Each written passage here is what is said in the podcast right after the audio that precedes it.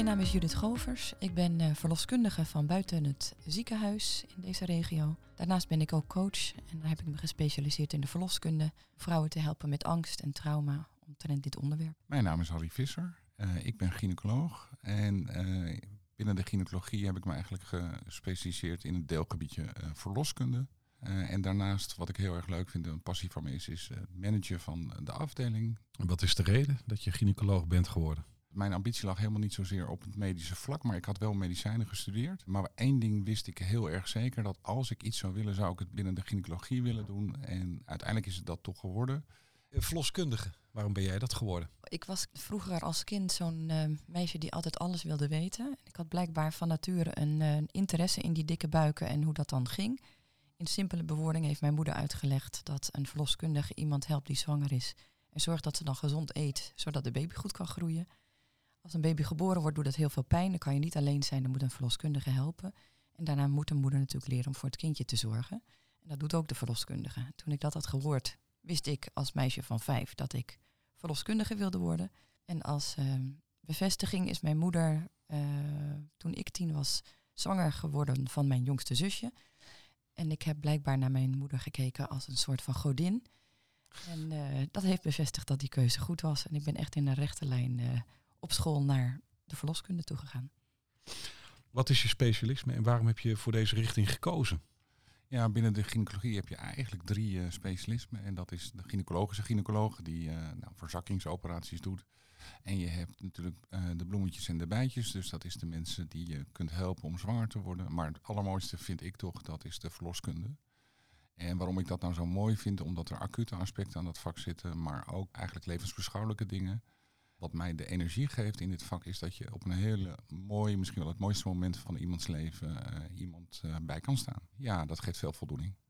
En hoe lang doe je dit werk al te gooien? Ruim 15 jaar uh, ben ik hier gynaecoloog. En hoe lang ben jij verloskundige? Aankomende zomer 26 jaar. Wat doet de afdeling gynaecologie? Als het dan gaat om de verloskunde, kan het al beginnen voor de geboorte. En je bent een vrouw uh, en je hebt een leuke partner ontmoet. En jullie denken samen, nou we willen aan een kind beginnen, maar er is een ander probleem. Je hebt bijvoorbeeld suikerziekte. Dan kan je bijvoorbeeld al voordat je zwanger wil worden een advies krijgen van of de verloskundige of de gynaecoloog. Nou, of er misschien een medicatieaanpassing moet, gedaan moet worden voordat je zwanger wordt.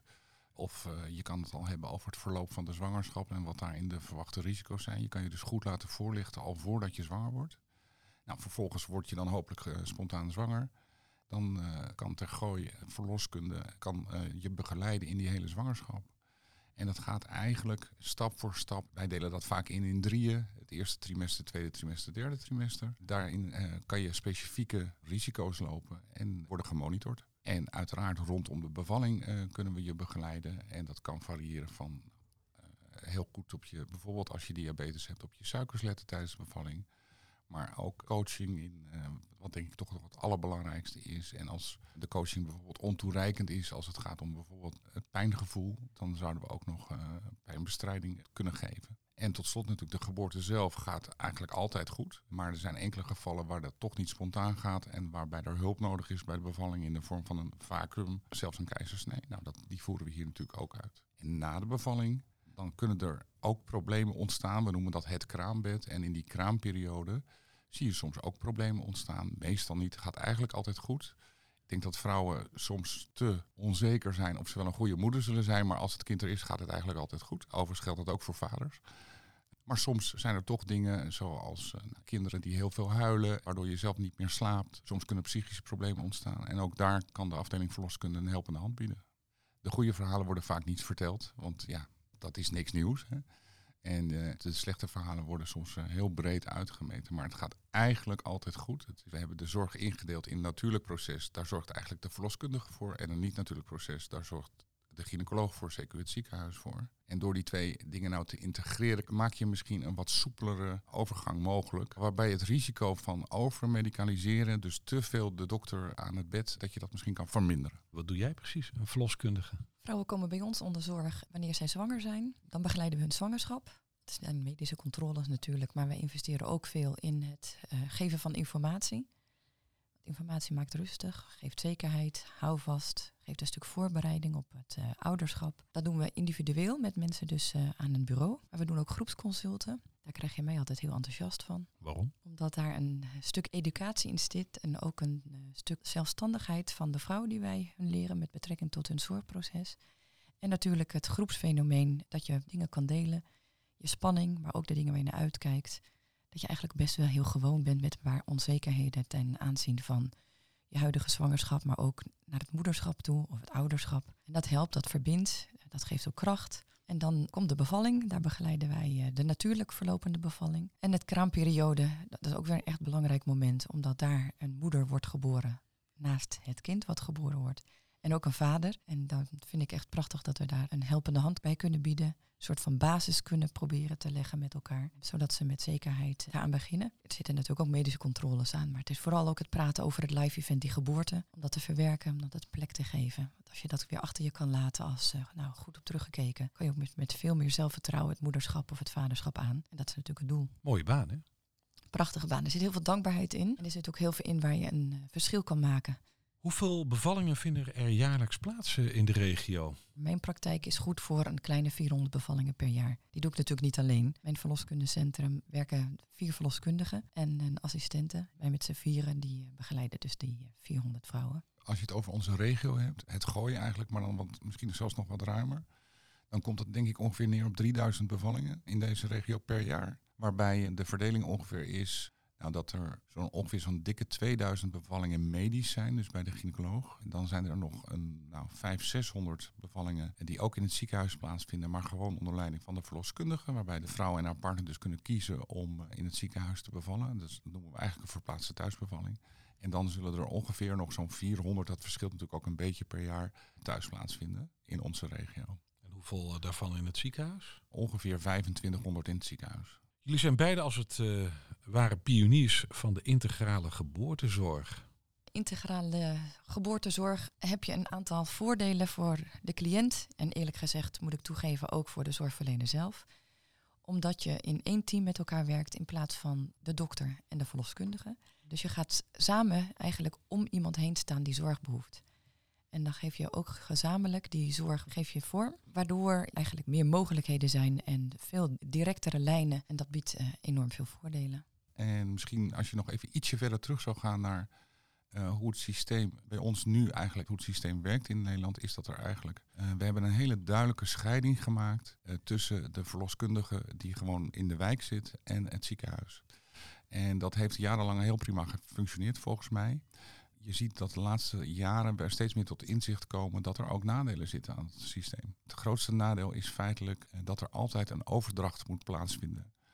Eh, als er dus iets met de zwangerschap gebeurt wat niet meer helemaal natuurlijk is, dan moet er een overdracht plaatsvinden van die verloskundige naar de gynaecoloog. En in die overdracht kan informatie gemist worden. Nou, die misschien wel genoemd had moeten worden, maar die om een of andere reden niet goed doorkomt. Dat begint misschien ook al met het feit dat we ook allemaal in onze eigen systemen werken. En die systemen communiceren niet goed met elkaar. Uh, dus dat is een beetje een technisch verhaal. Als het gaat om de menselijke kant van het verhaal, is het ook zo dat je eigenlijk allebei ook in twee systemen werkt. En daar heb je je sociale context waarbinnen je werkt. En in ons vak is het denk ik heel belangrijk dat je elkaar goed aanvoelt. Het is geen zwart-wit wetenschap. Er is soms wat twijfel over de conditie bijvoorbeeld van de baby. Het is heel fijn als je dicht bij elkaar staat en goed weet wat je aan elkaar hebt. Uh, als je dus eigenlijk in twee systemen werkt waartussen een soort schot staat, kan dat lastig zijn. Het werkt gewoon beter als je met elkaar in één team zit. Dat maakt het laagdrempeliger over en weer. De gynaecoloog richting de, de verloskundige, de verloskundige richting de gynaecoloog. En ik denk dat daar ook een heel groot voordeel zit van een integraal systeem. Ja, weet je wat het is? Je wil eigenlijk allebei het, hetzelfde doel. Je wil namelijk veilige zorg bieden met een zo meest optimaal mogelijke uitkomst. Waarom zou je dat nou niet samen vormgeven en weten wat je aan elkaar hebt? In plaats van ik doe het voor mezelf en als ik de dokter nodig heb, zie ik dan wel weer. Nu maken we van tevoren gewoon afspraken over iemand, maar echt per individu. Als iemand zich bij mij aanmeldt, een zwangere vrouw, dan gaan we naar haar, nou, maar zeggen, een zorginhoudelijk profiel kijken. En dan besluiten we samen wat voor zorg deze mevrouw nodig heeft. En dat gaan we ook evalueren gedurende het proces. Klopt dat nog steeds? Is er een extra behoefte aan zorg? Hoe gaan we die vormgeven? Wie gaat het vormgeven?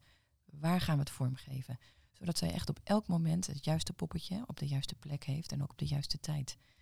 En dat doe je gezamenlijk. Dus je weet ook van elkaar, waar sta jij? Wat doen wij? Hoe gaat het met haar? Ja, dan ga je grotere stappen mee maken en dichter bij haar blijven. En dat heeft zij ook weer voor die zekerheid nodig. Maar ook om die medicalisering te voorkomen en ook om het beste resultaat te bereiken. Dus we vullen elkaar nu veel beter aan. Ik denk dat, dat inderdaad die gezamenlijke patiëntenbespreking van elke nieuwe cliënt, ik denk dat dat heel veel winst oplevert. Omdat je samen kijkt van tevoren al van joh, dit zijn de karakteristieken van deze cliënt.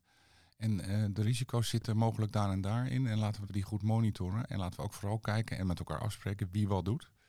Eh, en als er in dat proces iets verandert, dan kan dat ook weer naadloos over zeg maar, van de ene naar de andere uh, zorgverlener.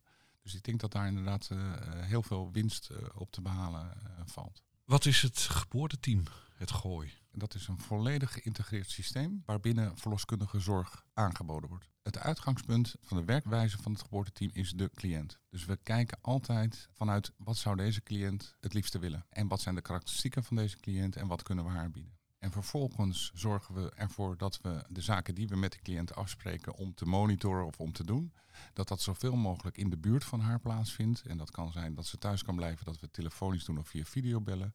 Het kan zijn dat we het in de wijk in de buurt van haar doen, in een van onze locaties. Uh, en als het moet, uh, bijvoorbeeld omdat er apparatuur voor nodig is die je niet overal neer kan zetten, dan, uh, dan in het ziekenhuis. Maar ook weer dat vanuit het oogpunt van de cliënt bekeken. De cliënt bepaalt? De cliënt bepaalt zoveel mogelijk natuurlijk. Maar dat is wel echt een andere gedachtegang. zeg maar de good old classic verloskunde. ja. omdat daar eigenlijk als ik het bot mag zeggen, alles draaide om de dokter. En alles werd georganiseerd rondom de dokter. De mensen moesten altijd naar hem toe komen op een tijd die de dokter, hem of haar, tegenwoordig is het vaker een haar, uitkwam. Uh, en dat proberen we echt wezenlijk te veranderen. Vond je dat moeilijk? Ik zelf heb misschien een langere tijd gehad om aan het idee te wennen, maar uh, ik vond dat niet zo moeilijk. Maar ik merk gewoon dat dokters dat wel moeilijk vinden. Want ik werk natuurlijk ook met heel veel dokters samen. En die vinden dat best wel allemaal erg hip en modern. En het geeft natuurlijk ook wel wat ongemak, want je moet jezelf vaker verplaatsen. En je moet dan allerlei andere technieken wennen, technische dingen met name, videobellen. Je moet, het vergt ook van de dokter een aanpassing. Het is werkelijk zo dat we de cliënt centraal zetten en zij zetten ons aan het werk. Dat is toch een beetje een andere actie als dat de dokter gaat bepalen hoe of wat. En dat werken we ook in onze samenwerking, want we gaan samen bedenken hoe we het best voor haar kunnen zorgen. Dat is toch echt een andere benadering. En we doen aan uniforme informatievoorziening. Dat is ook een stuk frustratie minder voor een cliënt. Want als de dokter nou het ene zegt, verloskundige zegt het net weer een beetje anders, of heel erg anders, dat is lastig. En wat is dan waar? Nou, dat heeft allemaal met elkaar eh, te maken. Er zitten verbindingen in. En daar staat het geboorteteam het gooi voor. Wat is het verschil voor de toekomstige zwangere vrouw? Maar zij komt binnen één team in plaats van meerdere zorgverleners. We zijn proberen ons gelijkwaardig op te stellen. Alleen ieder heeft zijn eigen expertise. En wat we dus doen is het juiste poppetje op de juiste plek te zetten. En wat misschien dan ook nog echt anders is, is dat de gynaecoloog tegenwoordig ook in de wijk de spreker doet. Die komen bij mij uh, in het verloscundecentrum. Dus dat maakt het nog weer laagdrempeliger, ook voor de cliënt. In plaats van, oeh, die dokter, is het in een, teamspeler geworden die om haar heen staat. Het is echt leuk om te doen, ook omdat uh, verandering van omgeving soms ook weer tot andere ideeën leidt, denk ik als je maar heel laag risico zwangerschap hebt en je zou normaal gewoon alleen maar bij de verloskundige lopen, dan is het toch zo dat er in het zorgpad een, uh, bijvoorbeeld een bezoekje zit uh, van de gynaecoloog aan jou of dat je bij de gynaecoloog komt. Die ook eventjes nog nou, met jou allerlei zaken kan doornemen. En in ieder geval even met zeg maar, medische ogen kijkt naar jouw specifieke karakteristieken. En omgekeerd geldt dat ook. Iemand die dus een medische indicatie heeft, zoals we noemen, dus die in het oude systeem alleen maar bij de gynaecoloog zou lopen, die wordt ook even gezien eh, door een verloskundige die dan misschien met weer wat minder medisch georiënteerde ogen kijkt naar deze cliënt. En ik denk dat dat ook heel veel winst op kan leveren. Iets anders is, en daar wil je het natuurlijk liever niet over hebben, maar we hebben natuurlijk af en toe ook wel echt, heeft een zwangere acute hulp nodig omdat haar kindje in nood is, of dat een vrouw heel veel bloedverlies heeft in een thuissituatie. En daar is dat gemeenschappelijk dossier denk ik weer heel erg helpend voor. Uh, want wat je natuurlijk wil, overal waar gewerkt wordt, ja, daar gaan wel eens dingen mis. En, maar je wil eigenlijk een systeem waarin dat misgaan zo uh, minimaal mogelijk gebeurt. En um, je kan je voorstellen als wij een telefoontje krijgen dat er een vrouw in nood is ergens thuis in de wijk. Dat in het ziekenhuis heel belangrijk is dat je juiste gegevens hebt. En die zijn soms in zo'n acute situatie waarbij je vaak binnen een kwartier een, bijvoorbeeld een operatie moet starten. Dat het dan heel belangrijk is dat je die gegevens hebt. En die hebben wij nu eigenlijk altijd. Voor voorheen moest daar dan zelfs nog met een fax of telefonisch moeten er gegevens overgedragen worden. Ja, dan krijg je wel eens de verkeerde informatie of te weinig informatie. En ook dat dus voor de acute situatie, nogmaals, dat komt heel weinig voor, maar als het voorkomt is het belangrijk. Ook dat probleem hebben wij hiermee opgelost. Ehm, wanneer krijg je te maken met het geboorteteam het Gooi? Mogelijk als je uh, zwangerschapswens hebt, maar zeker als je zwanger bent en je meldt je bij een van onze loketten, zal ik het misschien maar zo even noemen, aan, dan uh, krijg je te maken met, met geboorteteam het Gooi. Mag ik dan voor jou kiezen of mag je dan iemand anders kiezen? Als je in deze regio zwanger bent, dan heb je natuurlijk keuze tussen verschillende praktijken. Meld je bij mij in praktijk aan of in Tergooi, dan ben je in geboorteteam het Gooi. We zien ons echt ook dus als een uh, geïntegreerd systeem. Dus we hebben ook één website uh, waarop mensen zich kunnen aanmelden. Feitelijk is zo misschien het handigst om uit te leggen is het als iemand net zwanger is. Ik kan me zo voorstellen, ik weet niet meer hoe dat in mijn tijd ging, maar dan, uh, dan google je van verloskundigen in deze regio. En dan heb je denk ik als zwanger een aantal opties. Want je hebt echt de vrije keuze. En ik denk dat dat belangrijk is om hier te noemen. Uh, je kan verloskundige kiezen op basis van wat je zelf een goed idee lijkt. Die zelfstandig werkt, of die in een coöperatie verenigd is. Of je kan kiezen voor het geboorteteam. Stel dat bij ons in het ziekenhuis iemand geholpen wordt om zwanger te worden uh, op de afdeling uh, fertiliteit, dan bieden we ze ook altijd die keuzes aan. Dus we zeggen niet van u moet dit of u moet dat. Maar je kan je gewoon aanmelden bij een verloskundige die bij jou dichtst in de buurt in de wijk zit. Of de verloskundige die het meeste aanspreekt. Of bij het geboorteteam. Als je nou een advies moet geven, waar moet je dan op letten als je een keuze maakt? Ik denk dat het vooral een keuze moet zijn waarbij je je senang voelt als vrouw. En dat kan nog wel eens lastig zijn, want om van een website te halen hè, als je voor ja, het eerst zwanger bent. Dus dat kan nog wel eens lastig zijn. Maar je kan ook, we hebben ook informatieavonden. En dat hebben verloskundige praktijken hebben ook informatieavonden. En je kan natuurlijk gaan voor een kennismakingsgesprek. En als je denkt van nou, dit is toch niet voor mij, dan moet je gewoon wisselen. Soms zeg ik ook wel eens van nou, dit lijkt me een prima verloskundige praktijk voor u. Want het, volgens mij past dat bij u. De ene verloskundige praktijk heeft een wat meer medisch-technische aspecten die ze belangrijk vinden. En de andere verloskundige praktijk is misschien weer ja, veel meer op levensbeschouwelijke zaken vinden ze belangrijk. Levensbeschouwelijk, moet ik aan denken. Ja, ik vind, het, ik vind het een beetje lastig. Dat merk ik uh, aan mezelf ook om het goed te verwoorden. Maar er zijn verloskundige praktijken die uh, nou, in hele sterke mate de, de fysiologie nastreven. En dat hoop ik dat we dat allemaal doen hoor, maar dat heel erg uh, ook promoten. Maar bijvoorbeeld ook heel erg kijken naar nou, de levensbeschouwelijke vragen die erbij komen kijken. Van het moeder worden. Wat, wat een kind kan doen in de verhouding met je partner en dat soort dingen. En die daar ook echt extra aandacht aan besteden. En als je je daar prettig bij voelt, dan moet je je vooral denk ik bij zo'n praktijk aanmelden. Ik kan me ook voorstellen als je voor het eerst zwanger bent, dan denk je ja, ik ga er maar naartoe. Zeker. Ik hoor dat mensen regelmatig een keuze maken op een verloskundige die dichtbij zit. Dat zou ik niet adviseren. Mond-op-mond reclame. Mond-op-mond reclame is echt verstandig om daar naar te luisteren, om daar wat je vragen te doen. Kom kennis maken, hoor waar wij voor staan. Je hebt vast vragen en onzekerheden die je mee wil nemen zo'n gesprek in. En bespreek dat met je mogelijk toekomstige zorgverlener. En dan zie wat voor antwoorden daar komen. Ik denk dat dat heel verstandig is om te doen. Zeker als je een eerste kind krijgt en het allemaal nieuw is en heel spannend. Misschien mag ik nog één aanvulling maken. Want we hebben wel wat onderzoek gedaan voordat we uh, dit uh, experiment eigenlijk begonnen. We hebben de potentiële cliënten gevraagd en hebben best wel een hoop vrouwen ondervraagd. Wat zij nou het belangrijkst vinden als het gaat om begeleiding door verloskundige hulpverlener. En daar kwamen eigenlijk twee dingen heel erg naar voren. We hadden een hele trits aan mogelijkheden die ze aan konden kruisen. Maar ze kruisten eigenlijk allemaal aan uh, het integrale dossier. Dat is meer iets van nou, een soort safety-achtige keuze die je dan maakt, denk ik. Een integrale dossier, daar bedoel je mee? Daar bedoel ik mee dat we dus uit één elektronisch patiëntendossier werken. En dat elke hulpverlener binnen die organisatie kan zien wat er in het verleden gebeurd is. Dus alle informatie wordt op één plek bewaard van de zwangerschap. Elke hulpverlener kan erbij. Ja. En het tweede wat ze noemden, dat het ontbreken van overdrachten, uh, ook de overdrachtsmomenten, dus tussen de eerste en de tweede lijn, kwam er ook uit dat ze dat belangrijk vonden, de cliënten. Dus die keuzes waren niet zozeer gebaseerd op uh, de look en feel, om het maar zo te zeggen, of de wat meer softere markers waar je ook op kan kiezen, maar met name op die twee toch vrij hele duidelijke, bijna technische uh, aspecten. Is thuis bevallen nog wel mogelijk als je zwangerschap begeleidt, wordt door het geboorteteam het gooi? Zeker, ik denk ook dat het een groot goed is dat we dat uh, nog steeds kunnen bieden. En daar uh, zeker dan mag een keuze in gemaakt worden.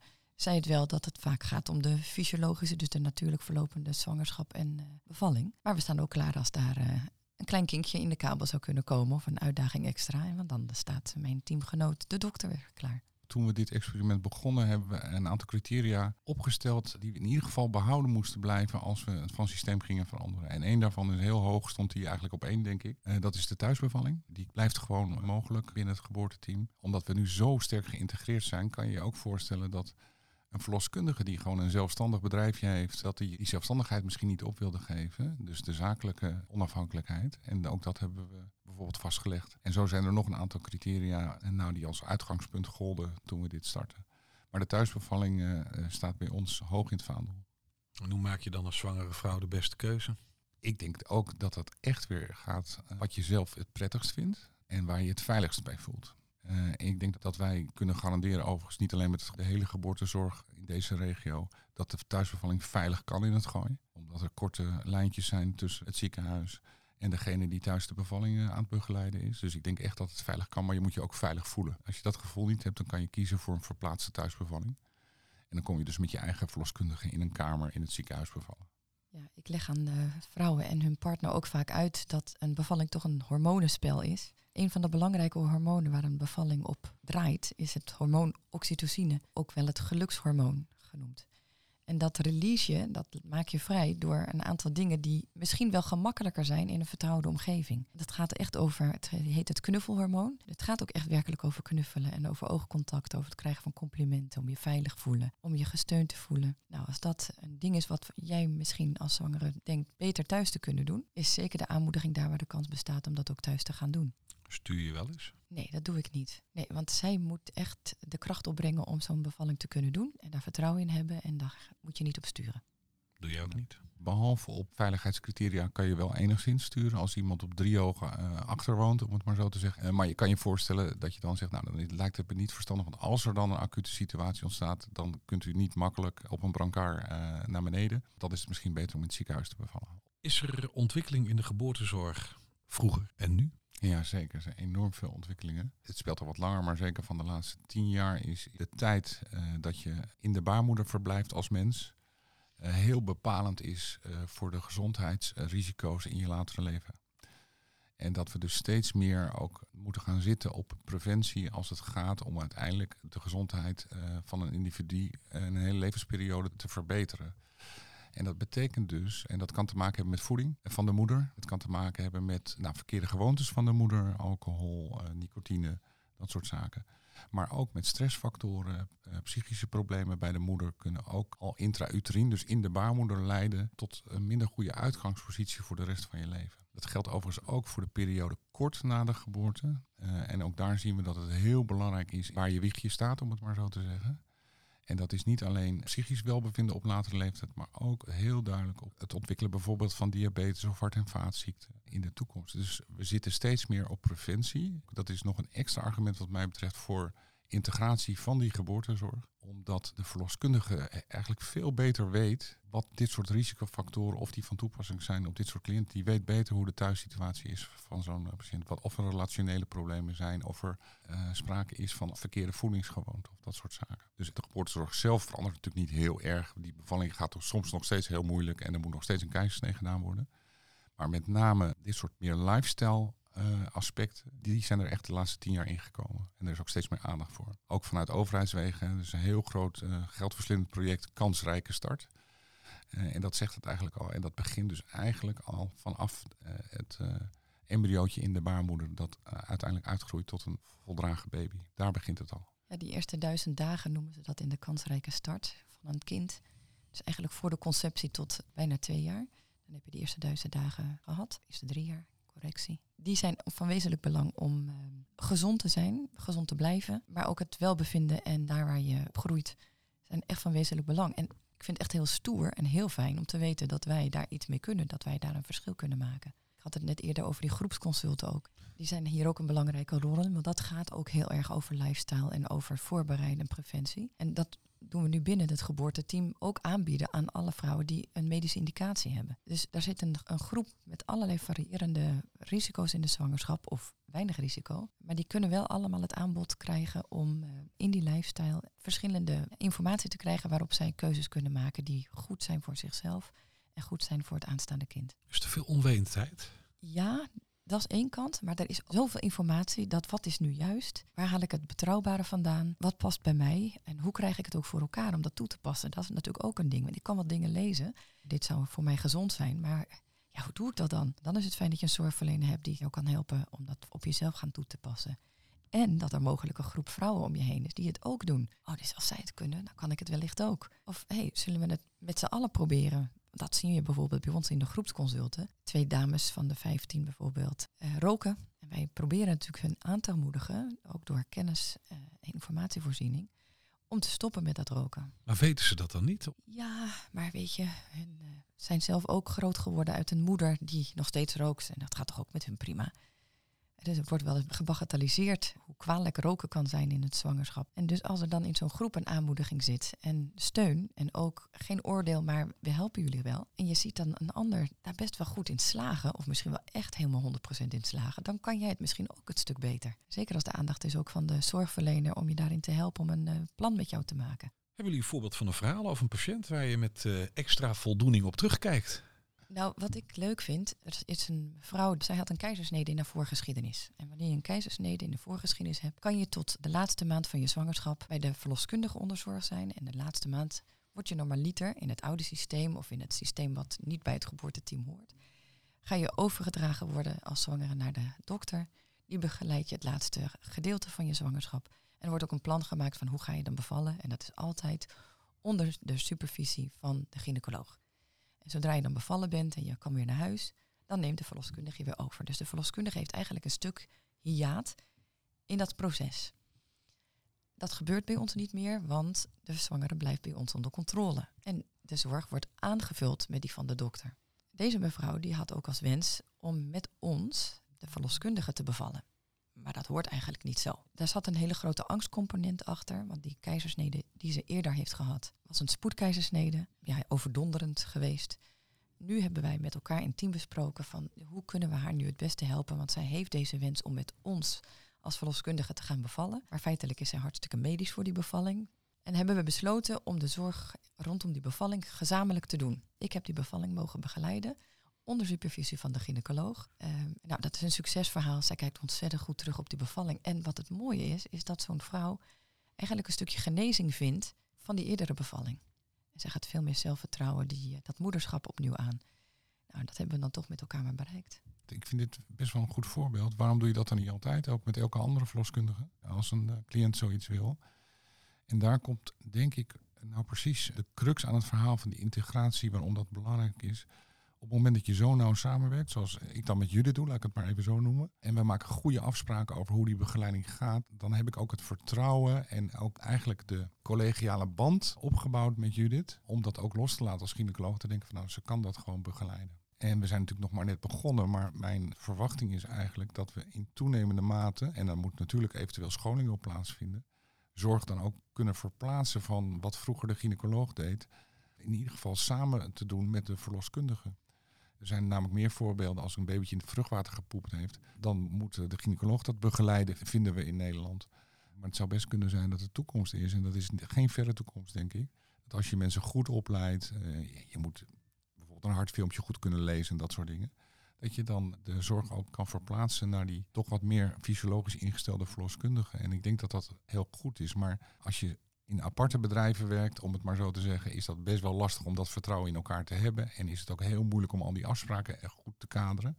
Terwijl dat in een integraal systeem veel makkelijker zal gaan. Ik denk dat dit de weg is uh, die we op moeten. Heb jij nog eigenlijk een verhaal waar je met veel voldoening op terugkijkt? Natuurlijk heb ik een verhaal, maar wat ik eigenlijk wil vertellen is dat mijn ogen als gynaecoloog toch wel behoorlijk geopend zijn over dingen die ik niet goed deed in het verleden. Samenwerking. En dat is namelijk dat wij toch veel te veel vanuit een medisch oogpunt naar die cliënt kijken. En dat we dat wel moeten blijven doen, maar dat we nog iets extra's moeten doen. En dat deden we niet. En dat ging om samen dingen beslissen bijvoorbeeld. Overigens is dat nu een item wat ook hoog overal op de agenda staat binnen de medische wereld. Maar dat je veel meer met die patiënt samen bespreekt wat de opties zijn en dat de patiënt de keuze laat. Niet het medische loslaten natuurlijk, maar ik denk dat dat vanzelfsprekend moet zijn dat je de beste medische behandeling eh, aan een patiënt geeft of aan een cliënt geeft of in ieder geval voorstelt. Maar waar mijn ogen dus open gingen is dat het gesprek over gevoelens rondom zo'n ja, toch live event, ja, dat dat ook zo ongelooflijk wezenlijk is.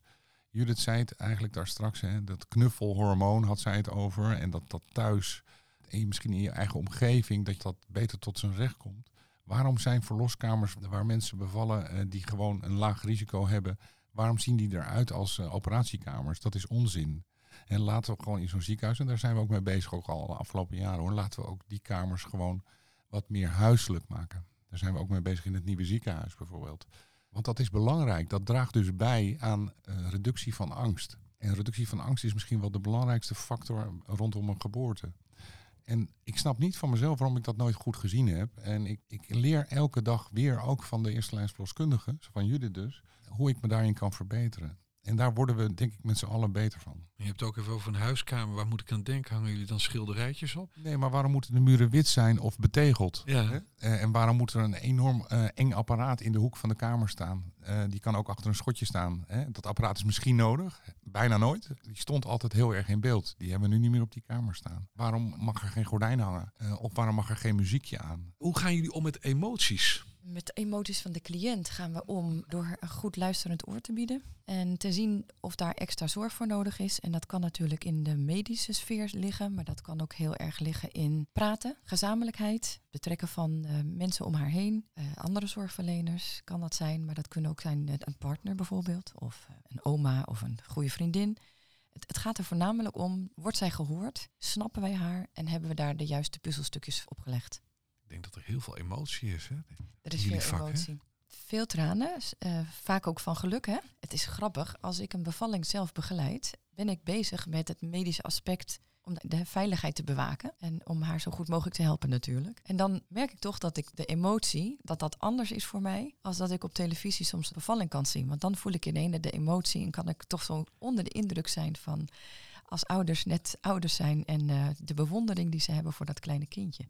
Is echt een gek fenomeen uh, als verloskundige zelf. Maar emoties zeker. Ik vertelde je ook dat ik uh, coach ben. Uh, dat ik daar me gespecialiseerd heb in de verloskunde. Nou, de angst soms voor een bevalling, of die nou komt van een eerdere bevalling of niet. Of de angst voor moederschap, of de onzekerheid. Daar zitten echt heel veel emoties aan vast. En daarom is het echt super fascinerend om daar handvaten aan te geven.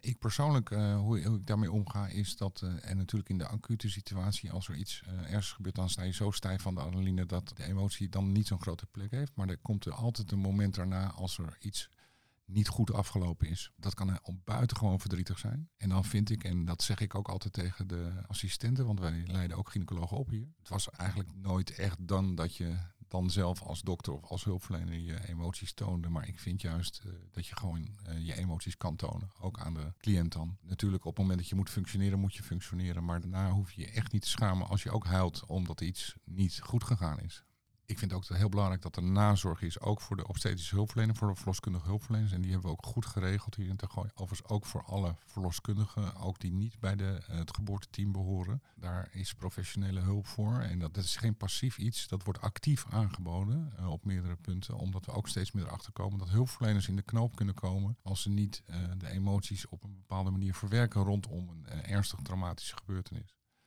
Maar even terug naar de cliënt, want daar gaat het om. Wij begeleiden cliënten langdurig na een traumatische gebeurtenis. Waarbij er gekeken wordt of we daar zelf in kunnen helpen. En als dat ontoereikend is, dan wordt er ook verwezen naar andere hulpverleners. En persoonlijk hou ik altijd heel lang contact met cliënten waar wat mee aan de hand geweest is. En eigenlijk is het altijd zo dat we samen weer naar een volgende zwangerschap toe gaan, die dan nog drie keer zo spannend is natuurlijk. Verschrikkelijk moeilijk. Ja, moeilijk, maar ook wel heel mooi. Uh, waar onderscheidt uh, Tergooi zich bij deze behandeling ten opzichte van andere ziekenhuizen van geboortezorg? Nou, Tergooi is een van de ziekenhuizen, ik denk inmiddels acht ziekenhuizen in Nederland die een vorm van integrale geboortezorg aanbieden. Eigenlijk zeg je dat dus verkeerd. Uh, die deelnemen in een integrale geboortezorgorganisatie. We onderscheiden ons zeker ten opzichte van de meeste andere ziekenhuizen in Nederland, omdat we die integratie van zorg inmiddels vormgegeven hebben. Maar er zijn nog zeven andere uh, die dat ook in meer of mindere mate gedaan hebben. Ik denk alleen wel dat wij het verst daarin op dit moment zijn. Uh, ook al bestaan we nog maar kort, maar wij hebben echt alles volledig geïntegreerd. Dus we spreken eigenlijk niet meer over eerste of tweede lijn. Wij spreken gewoon over verloskundige zorgverleners die uh, een bepaalde expertise hebben en binnen één organisatie die zorg aanbieden. Waarbij we zelfs ook, en dat is niet interessant misschien voor dit verhaal, maar het financiële aspect geïntegreerd hebben. Dus de verzekeraar betaalt gewoon een bedrag aan het geboorteteam en wij verdelen dat achter de voordeur. En dat is denk ik heel goed, want bij integrale uh, bekostiging zorg je is echt de ultieme vorm van gezamenlijke zorgverlening. Omdat je niet meer staat te preken voor eigen parochie, maar nog steeds eigenlijk, alleen dat doe je nu samen. Zijn alle verloskundige praktijken in de regio aangesloten bij geboorteteam het Gooi? Helaas niet, vind ik. Even korte toelichting daarop. Niet alle verloskundige praktijken uit de regio zijn aangesloten bij het geboorteteam. Sterker nog, er is er maar één aangesloten. Dat is namelijk Judith Govers praktijk. Dat heeft een hele lange voorgeschiedenis. We hebben heel lang geprobeerd om met een hele grote groep tot integratie te komen. En dat is niet gelukt je zou dan zeggen, ja, waarom lukt dat dan niet? Maar ik hoop dat, uh, en daarom heb ik ook veel begrip voor praktijken die niet aangesloten zijn op dit moment bij het geboorteteam. Want het is nogal wat. We zijn er jaren mee bezig geweest. Het is een hele ingewikkelde spaghetti van allerlei belangen. Er zijn allerlei partijen die hier ook wat van vinden en moeten vinden en mee moeten werken. Eh, ik heb het over verzekeraars, uh, kraamzorgorganisaties, uh, er is heel veel onzekerheid van wat doet dat met mij. Kijk, zo'n ziekenhuis is gewoon een heel grote organisatie. En we hebben ook de expertise in huis, denk ik, om wat makkelijker uh, te schakelen en organisatorische processen te veranderen. Maar het is nogal wat als jij met een goed lopende en leuke verloskundige praktijk, waarin je het erg naar je zin hebt, die van jezelf is, als je eigenlijk plezierig werkt, om dan de grote sprong te wagen om in een integraal bedrijf te stappen. Uh, ik kan me ook echt goed voorstellen dat uh, anderen de kat even uit de boom willen kijken. Ik hoop echt dat we nou, met praten en ook door vertrouwen naar elkaar uit te spreken, dat we over een aantal jaren wel meer praktijken kunnen aansluiten bij deze vorm van zorg. Want ik denk dat het goed is voor de cliënt. Het klopt helemaal. Ik heb het ook echt spannend gevonden. Want ik had een goed lopende praktijk. Daar had ik alle touwtjes zelf in handen en kon ik doen en laten zo mij goed dunkte. En dan ga je dat voor je gevoel toch een klein beetje handen geven. En lukt dat? Kan je daarop vertrouwen? Maar juist omdat we dit zijn gaan doen, is er zoveel meer vertrouwen gekomen. Ik had al veel vertrouwen, anders durf je zoiets ook niet aan. Dan ga je ook niet met elkaar aan tafel zitten natuurlijk. Maar we hadden heel veel raakvlakken. En een van de raakvlakken was de wens om de zorgverlening anders te doen, die cliënt centraal te zetten en daaromheen te gaan staan met elkaar. Die pijlers waar we voor staan, om dat anders en beter en gezamenlijk vorm te geven. En dat is steeds mijn hoofddoel geweest. En daar hebben we elkaar gewoon in gevonden dan durf je ook steeds meer stappen te doen. En we hebben ook goed afspraken met elkaar gemaakt, want dat is natuurlijk van wezenlijk belang als je dit doet. Uh, maar ik heb er geen seconde spijt van gehad. En alle twijfels en spanning die er over geweest zijn in de, in de beginnen vooral, die zijn er helemaal uit. En uh, nou, inmiddels zijn we heel zo lang met elkaar. En uh, is het vertrouwen alleen maar gegroeid. En dat helpt gewoon om plezierig te werken. Wat staat er in de toekomst te gebeuren op het gebied van de geboortezorg? Een van de nieuwe dingen die we dus nu goed aan het uitrollen zijn, zijn die gezamenlijke groepsconsulten, ook voor medische cliënten. Uh, we zijn bezig met e-health, dus met videoconsulten. De verschuiving van zorg, waar we het eerder al over hadden. Om te kijken of toch wat medische indicaties, zoals we dat noemen, meer naar de verloskundige toe kunnen. Of dat we dat gezamenlijk kunnen gaan vormgeven. Ja, en dat zijn dan vooral de ontwikkelingen, zeg maar, lokaal hier binnen het geboorteteam. En landelijk gezien denk ik dat er een paar grote dingen zullen gebeuren. Iets wat zeker is, is dat de 13 weken ingevoerd wordt per 1 september. Dat is eigenlijk een 20 weken echo. En dat is een echo waar even op structurele wijze gekeken wordt naar alle uh, organen van ongeveer 20 weken oude baby. Op het moment wordt eigenlijk naar voren getrokken bij 13 weken, dus al eerder eventuele afwijkingen te kunnen detecteren. Dus best wel een grote landelijke operatie, maar dat is dus wat er gaat veranderen.